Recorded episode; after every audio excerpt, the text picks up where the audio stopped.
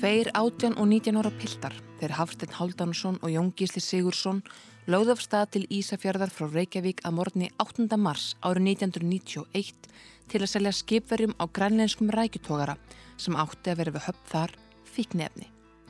Þeir fóru á mis við tógaran en hann hafði haldið aftur út til veiða deginum áður. Þrátt fyrir mörg varnaðar orð um að halda ekki aftur af stað keirandi og bóðum gistingu á Ísafjörði kerðu pildarnir tveir aftur til Reykjavíkur að kvöldi sama dags. Það átti eftir að reynast þeirra síðasta ferð. Ég heiti Snæra og Sindardóttir og þetta er þriðji og síðasti þáttur heiðarinnar.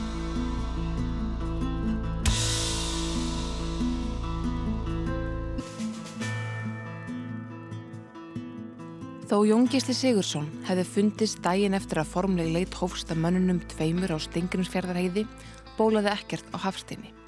Ítrekkað þurfti að hætta að leita á heiðinni vegna veðurs og stöðugt bætti í ofankomuna. Svo 20 cm af jafnföllnum snjó hafðu bæst á leitarsvæðið síðan Jón og Hafsteitt hafðu yfirgefið bílsinn á heiðinni. Björgunarsveitir gengum með svæðið með prík að borðu þau sem nótuð eru þegar leitað er að fólk eftir snjóflóð og pótuðu ofan í djúpan snjóin til að fresta þess að finna fyrirstöðu en allt kom fyrir ekki. Eftir nokkra daga var ákveðið að hætta leit. Tæpum 30 árum síðar var ég í sömu spórum. Ég hefði talað við fjölskyldu og vini Jónskísla sem hafðu lítið þekkt Hafstein en gáttu gefið mér einhverjar minniháttar upplýsingar um hann. Með að segja sýstir Jónskísla sem hafði verið með Hafstein í bekk gætt frekar litlar upplýsingar gefið um þennan unga mann. Um, Þekkir þú eitthvað sem þekkti Hafstein vel? Engan. Nei. Er eitthvað vini eða Nei, ekki. Hann átti einhver einu kæristu en ég man ekki hverju maður. Þetta setja ekki eins og kross á leiði hann til að byrja með. Fólður hans. Svo tíu ára setna setti pappans hérna stein og mamma og þau hafa alltaf sínt í gröfin hjá Haffa sko. Og hérna það var aldrei neitt, ekki klifta ar, arfa sko. Ekki einn upp á leiði Haffa sko. Veistu hvað garðið það er? Hérna hafnafjörður. Og hérna þeir það eru fjóra grafar á milli, pappi grafin líka í Jóngisla. Ég ætla ekki niður hjá þeim. Mér nokkar ekki verið með þeim tveim. og hérna, við fórum í jarðafönnu hjá hann og við vorum fimm held ég. Í jarðaförnu. Já. Mamma hans, við Kannski stóra já, kannski, já, eitthvað svo þess. Það var ekkert mikið meir. Á tímarit.is fann ég upplýsingar um að Hafstein hefði um skammar hríð árið 1990 stýrt tónlistarþætti á útvarp Rót, rótæklinga útvarstöð sem var hægt og rólega að leggjast af á þessum tíma. Svo ég hafði samband við fyrirverandi útvarstjóra stöðvarinnar sem sagði mér að hann hefði sjálfur verið hættur afskiptum á Rót þegar Hafstein fekk að spila sína uppáhaldstónlist þar. Hann benti mér á aðra starfsmenn útvarstöðvarinnar en enginn myndi eftir hinnum 17 ára þáttastjórnanda sem var sagður í dagskráspila lög frá 7., 8. og 9. áratögnum á stöðinni. Raunar myndi engin eftir því að af samstagsmanni þeirra hefði verið leitað rúmu hálfu ári eftir að þátturum var á dagskrá. Svo lítið vakti hvarfið aðtekli.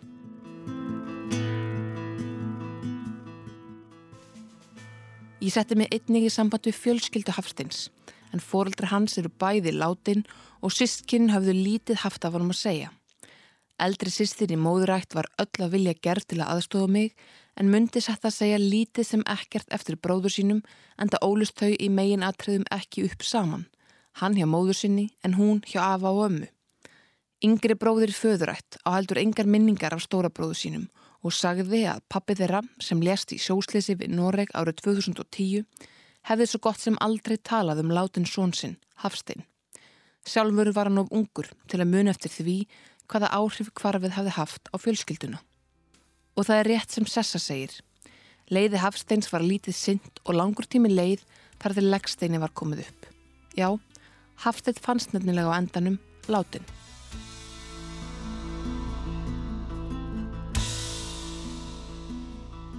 Í lauruglu skýslu frá sunnudeginum 12. mæ árið 1991 um tveimur mánuðum eftir að piltarnir hurfu segir að björgunarsveitarmenn hafi farið í skipulega leit að Hafsteini og hann loksins fundist. Hafsteinn var um 3700 metra neðan við staðin þar sem bláa Volvo bifriðir að félaga hafði stöðvað. Hann hafði sem sagt gengið tæpa fjóra kílometra tilbaka niður af heiðinni í átt að Ísafjörðardjúpi. 12. mæ 1991, klukkan 11.32. Á ofangreindum tíma tilkynnti Már Ólafsson, lauruglumadur á Hólmavík, um að björgunasveitamenn frá Hólmavík hefðu fundið lík á Láadal á Stengrinsfjörðarheiði. Taldi Már að þarna væri um að ræða lík Hafsteins Háldánarssonar til heimilis að gnóðavogi 34 Reykjavík en Hafsteins hefur verið saknað frá því þann 8. mars síðastliðin en þá var síðast vitað um ferðir hans. Þá var hann á ferð með félaga sínum Jóni Gísla Sigursinni á bifriðinni G12846 á leið frá Ísafyrði til Reykjavíkur Lík Jóns Gísla fannst í Láadal á Stengrisfjörðarheiði þann 16. mars 1991. Klukkan 12.55 fór undirritaður með Daniel Sigmundsinni til Ardgerðar Eirar í Ísafyrði og var komið þangað um klukkan 14.20. Þar tók Már Ólafsson, lauruglumadur á Hólmavík á móti mér og heldu við síðan áleiðis upp Láadalinn þangað sem líkið hafi fundist en það var á stað um 3700 metrum vestan við þann stað sem bifræðin G12846 hafði fundist og var líkið um 200 metrum sunnan við vegin. Líkið liggur á grúfu á mel og snýr höfuð þess til söðurs. Handleggir þess vísa upp fyrir höfuð og eru olbúar beigðir í áttað höfði. Fætur eru beinir. Um tíu metrum vestan við líkið liggur leðurjakki en fjórum metrum sunnan við líkið liggur hettubólur. Nokkur snjór er í kring og þegar líkinu er lift er snjór undir því. Már lauruglumadur sagði mér að það hefði raunar komið á óvart hversu langt Hafstein hefði komist frá bílnum miða við veðrið sem var upp á heiðinni aðfarnótt 9. mars 1991. Þannig að við varum í svona laut sem hefur náttúrulega fyllt strax að fönn og og ábygglega sko þá, svör eftir verðsleina bara þvert yfir hans og þess já, já, í skaplinu sko sem hann var að koma upp úr sko það er bara 15 kaf sko. og það var tónu okkur langt frá vegi sko er smakkur undir metra. Hefur verið erfitt að fylgja veginum þarna ef þú hefur verið í blindbil eða bara, Já, þú fer bara undan veðrinu sko. Og þegar menn eru öllni kaldir og þá verða þeir öruglaðir sko og það er svo sem vel þekkt sko. Ef mann er ekki kaldir þá missa þér allt. Þetta er ekkert svo langt frá vegi sko, og begi, hann begir hérna sko, hann er bara, þeir hafa hann greinlega bara rækist undan veðrinu sko. Mm -hmm. menn eru magnast og veist, ef þú verður í, í svona geggiðu veðri þá, þá sér það ekki handað hann að skil og þú, maður stundur sko þegar maður verður að kæri hérna yfir sko þá, þá, þá sá maður ekki nýra á vegin sko. Þegar maður fær í ókælingu þá missa þeir allt. Þetta er bara það sem dreipur á grein sko. -hmm. Eins og framkom í fyrsta þætti var eitt starsta spurningamerkið sem fadur Jónskísla setti við atvekið það að pillarnir tveir hefðu yfir höfuð farið út í ofsa veðrið á heiðinni þessa nótt, ítla búnir og ítla klættir. Hann trúði því einfallega ekki að sonur sinn myndi sína af sér slíka feildirsku. Sú trú kynnti undir sögursagnar sem nú lóguðu hjá þeim sem til piltana þekktu. Sögursagnir um að piltarnir hefðu verið eldir vegna fikniefnana eða peningana og myrtir. Í haust gafst því upp á leit minni að upplýsingum um Hafstein og setti gamla myndafanum á Facebook og óskætti því að hver sá sem hefði þekktan hefði samband. Það gæti ekki verið að hann hefði verið svo mikill einfari að fjölskyldan myndi ekki eftir honum og eini vinnur hans hefði látist með honum á steingrimsferðarheiði. Fyrsta sólarhingin gerðist ekkert og ég var vonlítil um að leitin bæri árangur. En næstu daga fóru að hafa samband fólk sem myndi eftir Hafsteini síðan hann var barn og unglingur. Bekkarfélagar úr vogaskólu hafðu samband en enginn kannast við að hafa verið náinn ánum og sérstaklega ekki undir lokin. Gamlar vinkonur sem hafðu kannski þekkt Hafsteini í stutt að stund sendu mér skilabóð og að lokum komst ég í samband við hóp manna sem sögðu mér, hver að fætur öðrum, að Hafstein hefði verið þeirra besti vinnur. Sambandið hafði ropnað á milli vinahópsins eftir því sem árin hafa leiðið en myndin sem ég byrti á Facebook hafði ratað til hvers og eins þeirra með einum eða öðrum hætti. Ég eitti nokkur um klukkustundum í að tala við þessa vini. Þeir hafðu allir það sama að segja að vinahópurinn hefði verið komin í verulega vafasum mál, Jón Gísli og Hafstedt sérstaklega og að heimili Hafsteins hefði verið helsta bækistuð hópsins. Félagsmiðstöðun þar sem mamma Hafsteins reyndi ekki að tjónka við neitt. Þar hefði þeir getað þurkað sveppi í friði, seltass og tekið spýtt. Þeir hefðu bæði verið reyðir ungir menn en einnig fundist gaman að skemta sér. En allt kom fyrir ekki. Þrátt verið langar yfirlýsingar frá hverjum og einum mannana um að þeir vissu sko allt um málið, kynnu söguna, vissi hver hefði myrt Hafstein og Jóngisla og hver hefði ekki myrt á, hvað hefði raunverulega gerst á Stengilsferðarheiði, hvaða fíknefni hefði verið með í för til að selja sjómönnum og hvar þau voru útvöguð, þá var enginn þeirra til í að koma í viðtal í þessum þætti og segja frá Hafsteinni. Ég var skýr. Ég þurfti ekki djús í smáatriði eða heyra hvað er töldustu vita hefði gerst á heiðinni í mars árið 1991. Ég þurfti bara að heyra hvernig strákur Hafstein hefði verið, hvaða kostum hann hefði verið gettur og hver er gallar hans væru, hvernig vinur var hann í raun. Bara eitthvað sem þeir myndu eftir í fari Hafsteins sem geti gett hann lífi í frásögninni. En nei, enginn er var tilbúin að tjá sig um það. Eitt sinn held ég að ég hefði dottið í lukkupottin. Ég átti gott samtal um mann á Facebook og í síma sem sagði að það hafa verið best vinur Hafstins og Jóns Gísla og svo sagði Jónum að ég ætlaði að ringja í hann úr hljóðveri. Viðtalið hófst og það kæftaði manninum hver tuskan. Hann gætt sagt mér frá æsku árum Hafsteins, heimilisaðstæðinum, skapgerðans og hvaða sögur hefðu heyrst af kvarfinu. Raunar fulletti maðurum við mig að hann hefði verið eitt þeirra sem piltarnir reyndu að fá til að koma með í ferðina og grípa í stýrið þegar við ætti.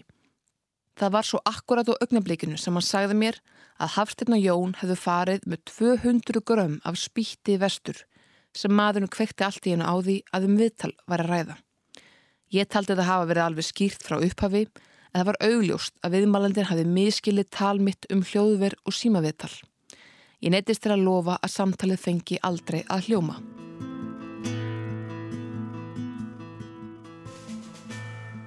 Á endanum fjaraði undan samskiptum mínum með fólk sem taldi sig hafa þekkt Hafstein vel. Sögurnar sem fólk sæði mér af fíknjafna viðskiptunum, morði af yfirlöðu ráði og ofbeldi voru allar keimlíkar en engin var eins. Nöfnum var flekt fram af grunuðum glæbunum, bæði meintum morðingum og allræmdum fíknjafnasölum sem áttu af að útvegað efnin. En ekki ein einasta manneskja nefndi nafn sem áður hafi komið upp í öðru samtali.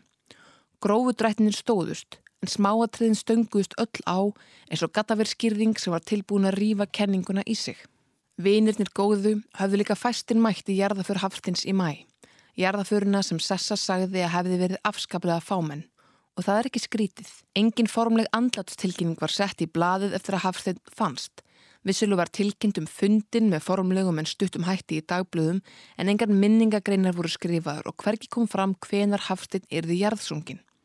Á afmælstegi hans 3. ágúst 1991, tæpum þreymur mánuðum eftir að hann fannst og fimm mánuðum eftir að hafa týnst, byrtust hveðjórð í morgumblæðinu.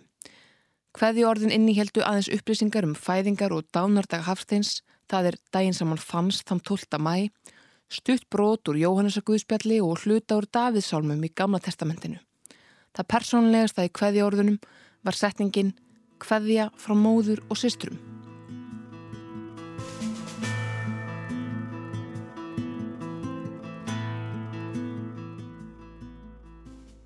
En ég var enn að velta fyrir mér samnefnara allra sagnana, nefnilega fíknefninum eða peningunum sem vantaði.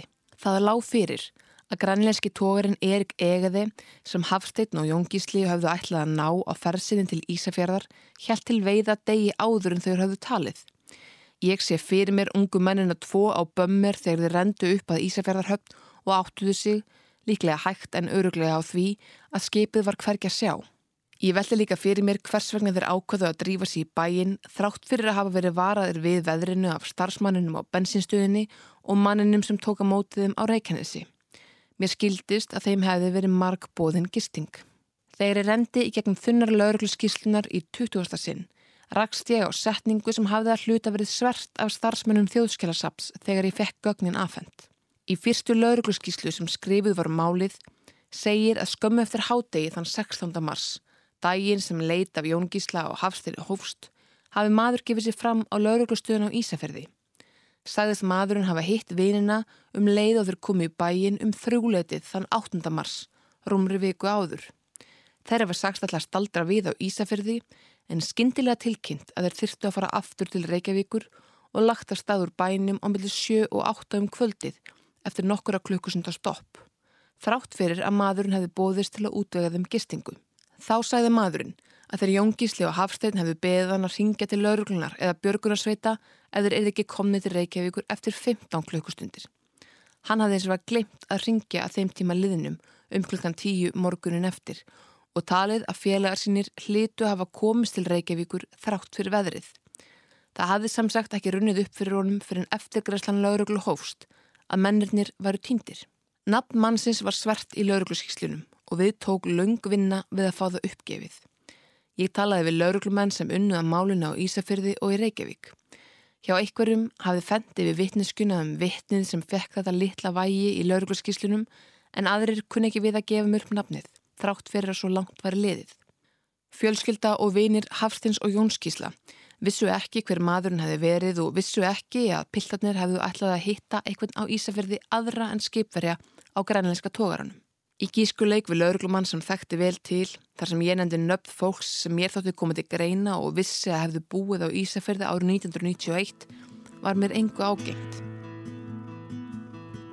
En loksins rak nafnið á fjörur mínar eða Því var kvíslaða mér úr óvæntri átt. Ég reyndi mitt besta að hafa samband við mannin en hafði ekki erindi sem erfiði fyrir en ég gróf upp óljós tengslans við ætninga minn sem ég á í litlum samskiptum við. Svona er bara Ísland. Fjölskyldumæðlumurinn gætt komið á tengslum og daginn eftir þurfti ég að nota þau Google Maps til að ratum einbilsúsarkverfi í Garðabænum. Ég stöðvaði bílinn fyrir fram en reysastort snjókvít hús í amerískum stíl með fínum bíli innkerslunni og þóttir rannsókn mín sannarlega hafa tekið áhugaverða beigju. Úr garðinum steg viðmældi minn í vinnuböksum og ég áttaði mig strax á að húsið var ekki heimilans, heldur tímabundi vinnustæður. Samtal okkar fór fram á pallinum fyrir aftan hús á plaststólum í góðu veðri en blæstri.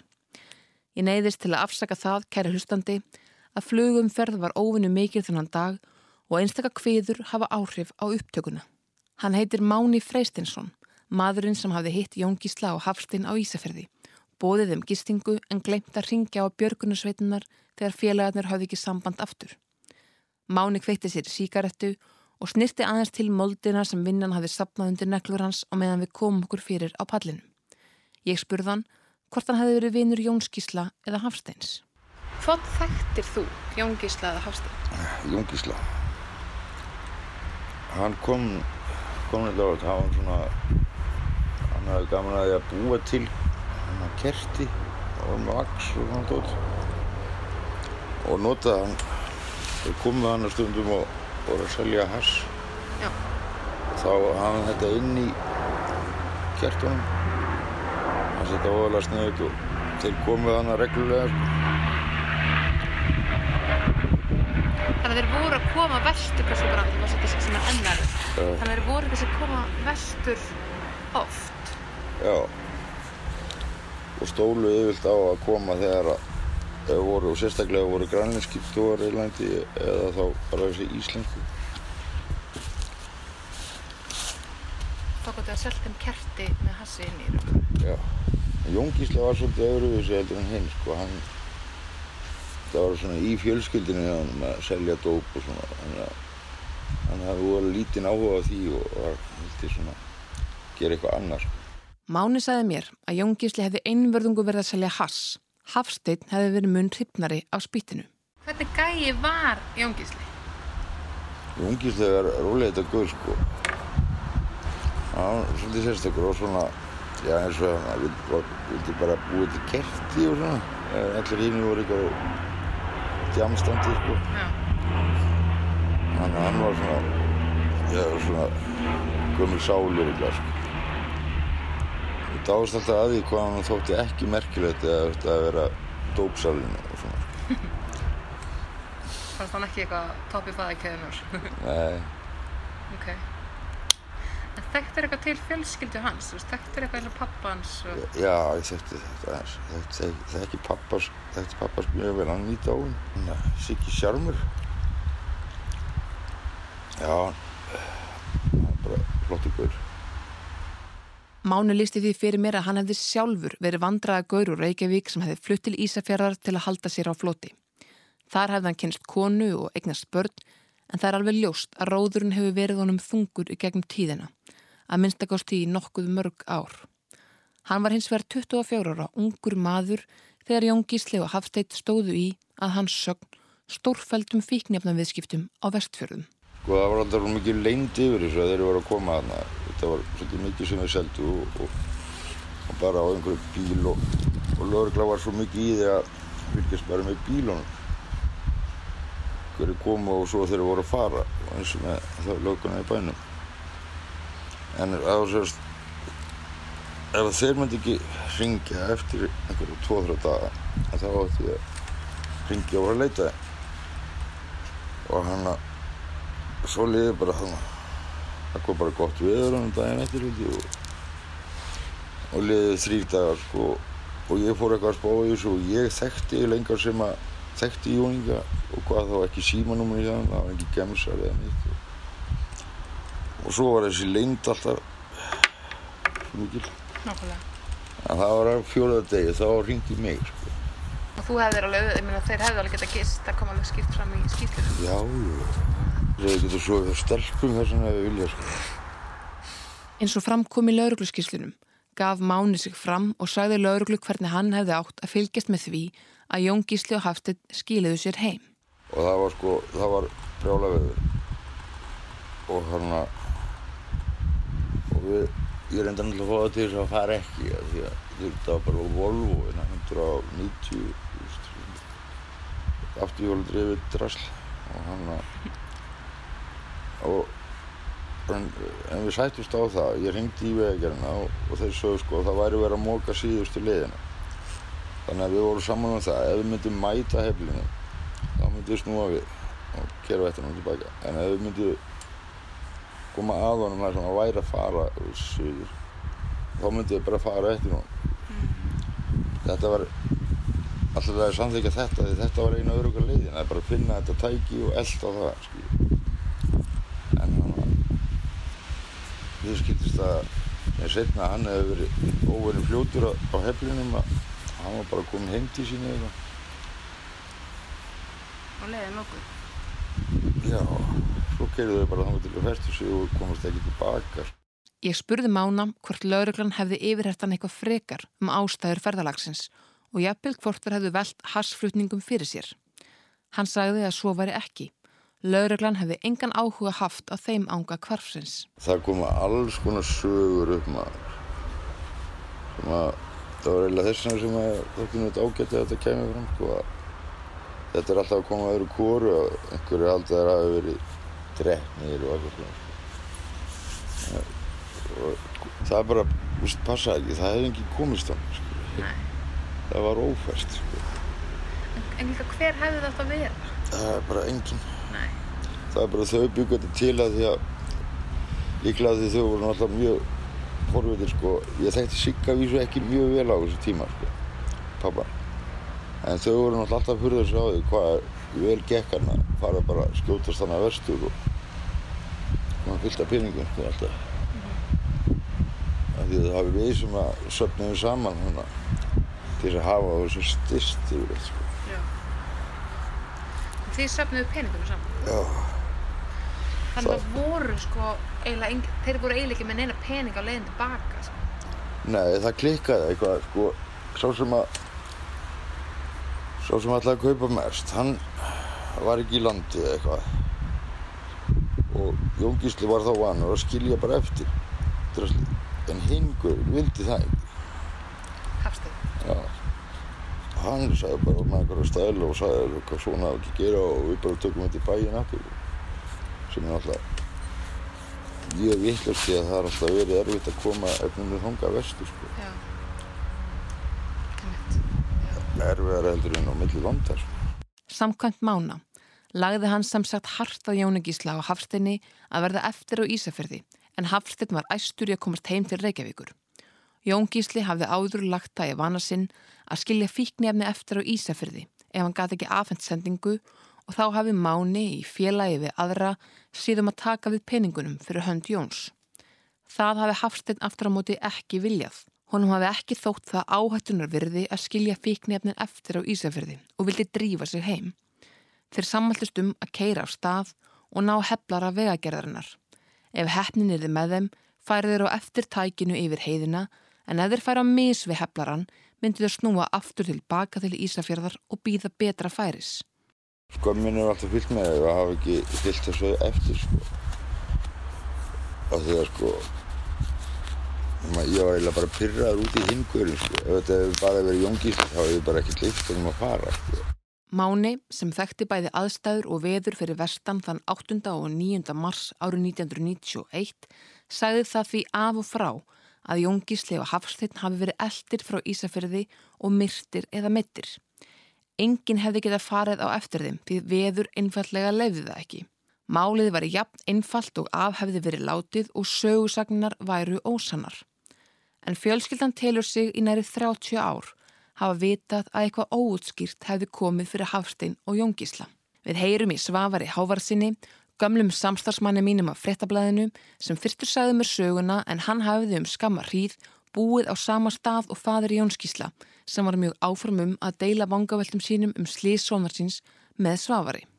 til dæmis eins og ég man þetta þá sá hann alltaf lík svona síns þegar að það, það var komið til byggða hann fullirti við mig og ég held ég muni það alveg rétt að hann hafi séð áverka á líkinu sem að hann átti bátt með að sjá að tengdust því að eitthvað hefði orðið úti Og sömu sögu segir Sessa, sýstir Jónskísla. Því að fór kisturreikninguna ógislegt. Þú veist, það var hann hér blár, svo búið meika yfir það, það var svona dökkbrún einhvern veginn, það var bara svona, svona, svona kaffibrún, ekki meiri brún, bara ógislabrún. Og hérna, og samt þá með svart, svona svarta marblett við, hál- við hálf, já. Og, og þá þetta var ég hugsaði, sko, hvað er eitthvað skrítið. Og hérna, mann ég horfði rosa á þetta. Og í dag er það bara, veist, þetta er bara áherslu að koma fram eftir á. Og hérna út af því að, að þeirra kannski tekist á og, og, og jóngslengi högg og, og, og eitthvað. Og hinn hljópuð bílnum að hræslu og svo það þeir bara nóg tíma til að fara inn í bílinn sko. Og, en, þú, en, en þeir verða samt úti, þú heldur að það, þeir hafa samt kannski... þetta var brjála veður og hérna og ef, ef að högg, högg veist eins og, eins og ef að haffiður hlaupi í blindni þetta hlaupa frá bílnum þá veit, ef, hefur hann bara hlaupið næst gjótu. Já, en það fannst hann í gjótu. Já, já, það er alveg rétt. ja, og hérna og Jóngsl fannst við vegakantin í grúfu. Og þá þetta ef hann hefur mikla áverka þá þetta fer hann í grúfu og hérna ekki mikla en, en nóg til að veist, þetta að þú fær kröftu þögga á, á hálsin þetta já, já, það hlýtur að ræðilega sko. En í krupningarskíslum Jónskísla á Hafstins er hvergi minnst á áverka og hefði réttaminafræðingur ekki leitað að áverkum á líkunum, jafnvel þó að lauruglan segði mennina hafa orðið úti. Jafnvel þó líkin hafi verið gatt friðin við komuna í líkusið og málið liti út fyrir að verða fljót afgreitt. Ég ákvaði að spyrja Pétur Guðmann Guðmannsson sem nú gegnir starfi réttarminnalæknis á landsbytalanum. Ég vil taka það fram að samtal okkar var almennseðlis og snýrist ekki í smáatriðum um mál þeirra Hafstins og Jónskísla en það er Pétur Guðmann ekki réttaræknirinn sem tók á móti líkunum árið 1991. Það er full ástæða til að vara viðkoma við því sem framkymur hér á eftir. Þegar að þú færð til þín einstakling sem það þarf að krefja á einhverjum ástæðum þá er vantilega farið mjög gömgefilega yfir allt í líkamanns jafnvel þó að talið sé vitað uh, hver dánarsök er eða hvað. Jú, þetta er rétt og eins og við gerum núna að þá þessar svokvöldu réttar gröfningar þegar að fólk deyr mjög óvænt eða skyndilega eða vofeflega eða hvernig sem það er að þá er alltaf þessi spurning að hver dómanniskjan og þá er gerð mjög hildræn skoðun á öllum líkamannum á öllu líkams yfirborðinu og öllum líkamsgötunum og innra byrðinu líka og öllum innri lífarunum þeirra og þau eru alltaf skoðuð öll og gerði þessi komplett rannsókn alveg. Þannig að áverkar ættu ekki að fara fram hjá réttamennafræðingi og fara ekki fram hjá réttamennafræðingi. Nei, þeir gera það ekki. Áverkar eru það sem að maður er að horfa á alltaf nummer 1, 2 og 3. Eru áverkar eða eru þeir ekki til starf? Maður er alltaf að spurja sig að því mm -hmm. e, við krupningar. Það er fólk verið úti. Hvað eiga þau lík sammert? Það sem, að, það sem að við erum að tala um er í sjálf og sér þá ofkæling og þegar að ofkæling verður að það sem að maður sér við skoðun á, á líkinu er um, fyrst og fremst uh, sérstakar litabreitingar sem að hefða sér svolítið fyrðulega en þær setja sér kringum stóru liði líkamanns á hnjén yfir mjöðmyndnar, olbóna, jafnvel axlirnar og hafa svona sérstakann svona bleikbrúnan lit. Og þetta er tiltölulega sértækt fyrir einmitt ofkælingu og dauða vegna ofkælingar. Mm. og svo er ímislegt annað sem að getur líka komið fram. Um, blæðingar í magaslímuhúðinni sem að eru kallar Vishnevski blæðingar og, e, og e, svo þegar maður skoða skjaldkirtilinn að þá vegna þess að í viðbræðinu við kuldanum að þá fer, fara efnaskipti líkamanns svona alveg á fullt til þess að reyna að hitta líkamann upp og skjaldkirtilinn tekur þátt í því þá tæmir hann sig svolítið af sínum byrðum af ráefni fyrir skjaldkirtshormón og það getur maður að séð við smásjáskoðan á skjaldkirtli að hann svona drefur sér saman um, blæðingar á, að, í beinagrindavöðvana sem að verða bara alveg sjálfgrafa í kuldaferlinu til dæmis í lundarvöðvan sem að er framanverðum lendrygnum mm.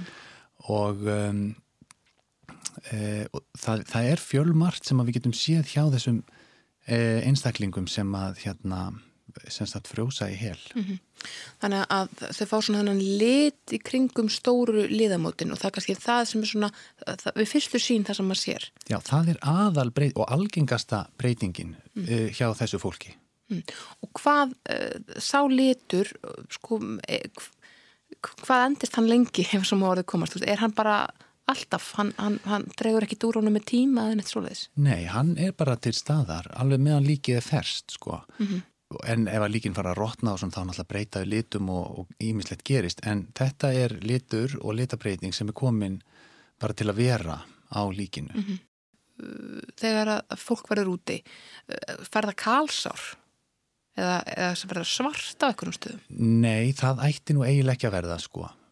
Þeir sem að verða úti þá, þá fá þeir yfirleitt þessa sko bara eins og kannski kallam á bráða og ofkælingu. Þannig að það myndast ekki e, þar að segja drep og, og sár þar að segja vefja skemdir út af kuldanum heldur Nei. er það meira þannig að allur líka minn kælis mjög mikið og þar meðal heilin þetta verður áhrif á ástand og meðutund og, og hérna fólk getur ekki bjarga sér á ofkælingunni og það ofkælist og deyr á já við getum alltaf satt á innan við klukkutímum mm -hmm. og það, á þeim tíma myndar ekki líka minn uh, verulegar vefjar skemdir til dæmis vegna kulda sem að sjást síðan.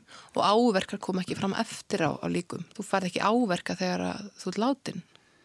Jú, það geta, sko lík geta árið fyrir njaski og, uh, og maður mað getur séð áverka á líkum af öllum mögulegum toga mm. en uh, þá, þeir áverkar beraði smerki að hafa komið til eftir döðan. Við áfkælingu, þegar fólk verður úti, verður það sem sagt bleik brúnt á litin við stóru liða mot líkamanns.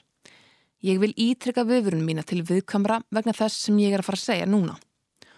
Róttnun mannslíkamanns byrjar í þörmunum. Í fyrstu myndast græn slíkja yfir magasvæðið en svo færir róttnunin sig smátt og smátt út eftir líkamannum og getur halvpartin skriðið upp hálsin, svartleitt. Eftir því sem Pétur Guðmars sagði mér eru þetta líklegast áverkarnir sem fjölskylda Jónskísla taldi sig sjá á hálsi hans við kistulagninguna. En þá stendur eftir spurningin hvers vegna þegar Jón Gísli og Hafstitt fóru af stað, íllabúnir og fáklættir, gangandi niður af heiðinni.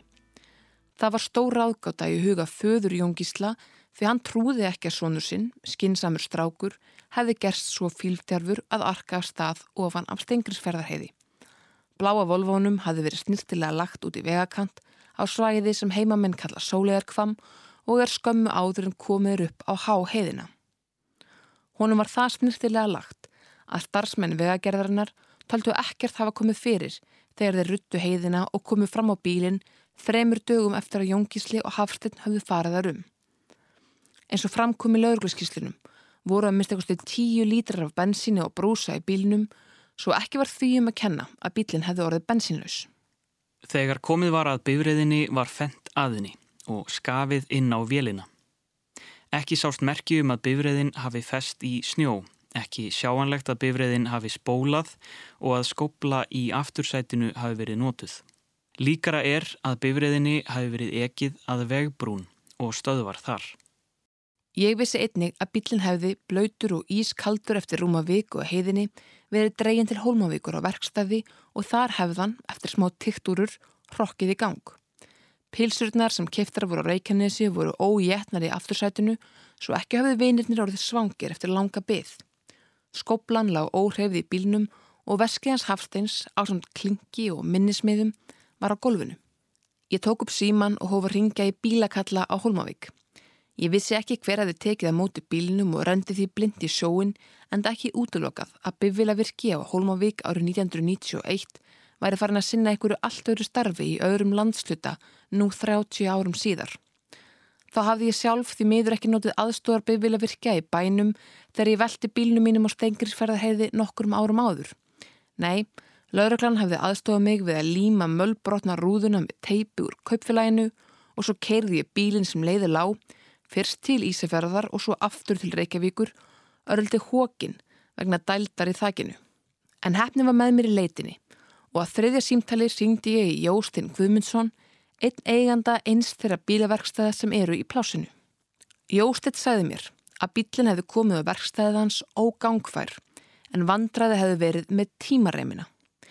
Fyrir þá sem ekki vita, þá er tímareim tent gúmireim sem tryggir að tannhjólvélarina snúist rétt. Tímareimina þarf að endur nýja reglulega því það getur komið slíti hana við álag. Það var hlokkin yfir held ég að meina tönna eða eitthvað. Hvernig fer tímaverðið með fram að af hverju gerist það? Ég held að það hafi verið bara út af sko, það hafi verið svo mikið slapp sko og farið hérna undir, undir reimin á einhver, einhver negin sko. Þá voruð hún blöyt og sleip skilur. Já. Þá getur hún auðvöldlega spólað á henni. Það var ekkert svo, það var ekki svona vel þjætt eins og þetta er orðið í dag. Það bara fer slappið upp í vélina, er hann verið? Já, það fer bara upp, þetta er náttúrulega, þetta hefur verið svona kannski 10-15 cm slapp ábyggil á veginu þegar þetta gerist. Og hérna þetta gengur stanslöft undir bílinn sko og er, er örglega svona rók drulla með sko. Mm -hmm.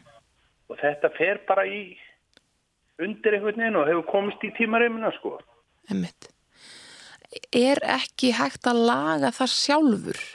Þú veist, ef Nei. maður færi og myndi að opna hútið, getur maður ekki komið henni einhvern veginn upp á aftur? Hún fer aldrei af sko, hún bara spólur á tönnum sko. Já. Þetta er ekki eins og, eins og vifturinn eða svoleiði sko, sem að snýst bara í rásum sem skipta yngur máli. Þarna má þetta ekki ruggla svona tönnuskilu. Emmitt. Það sem gerist þegar tímareimin uh, rugglast svona, þá, þá stoppar bílinn, það er ekki hægt að keira hann. Nei, hann hæ, hættir að ganga og kemur ógangur í hann og svo enda með hann dreifur á sig og svo fer hann ekki í gang. Jóstitt sagði mér að félagarnir tveir hefðu aldrei við þar aðstæður sem voru á heiðinni og verkfæra lausir geta lagað tímareimina og komið henn á réttan stað aftur sjálfur. Við það að bílinn dræpi á sér hafi jafnbramt sloknað á miðstuð bílsins. Þegar þetta gerist þá er uh, hérna svona kalda uh, krapa slitta sko. Það var engin ófærð þannig þegar þetta gerist.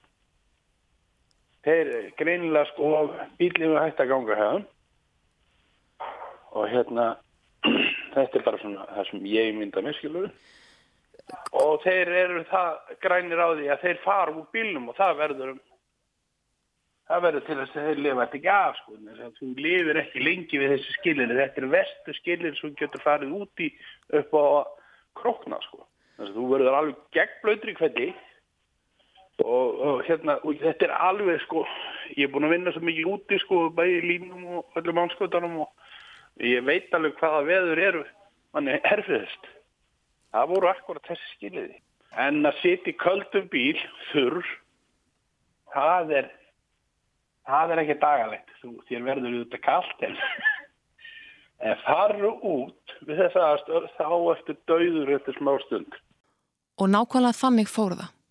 Jón Gísli komst 800 metra frá bílnum en Hafsteinn um 3700 metra, tvöfall lengra en vinnur sinn. Í slæmu skegninu uppi á heiðinni hefur þá líklega skilið fljótt að, íklættir leðurjökkum, þunnum bólum og gallaböksum.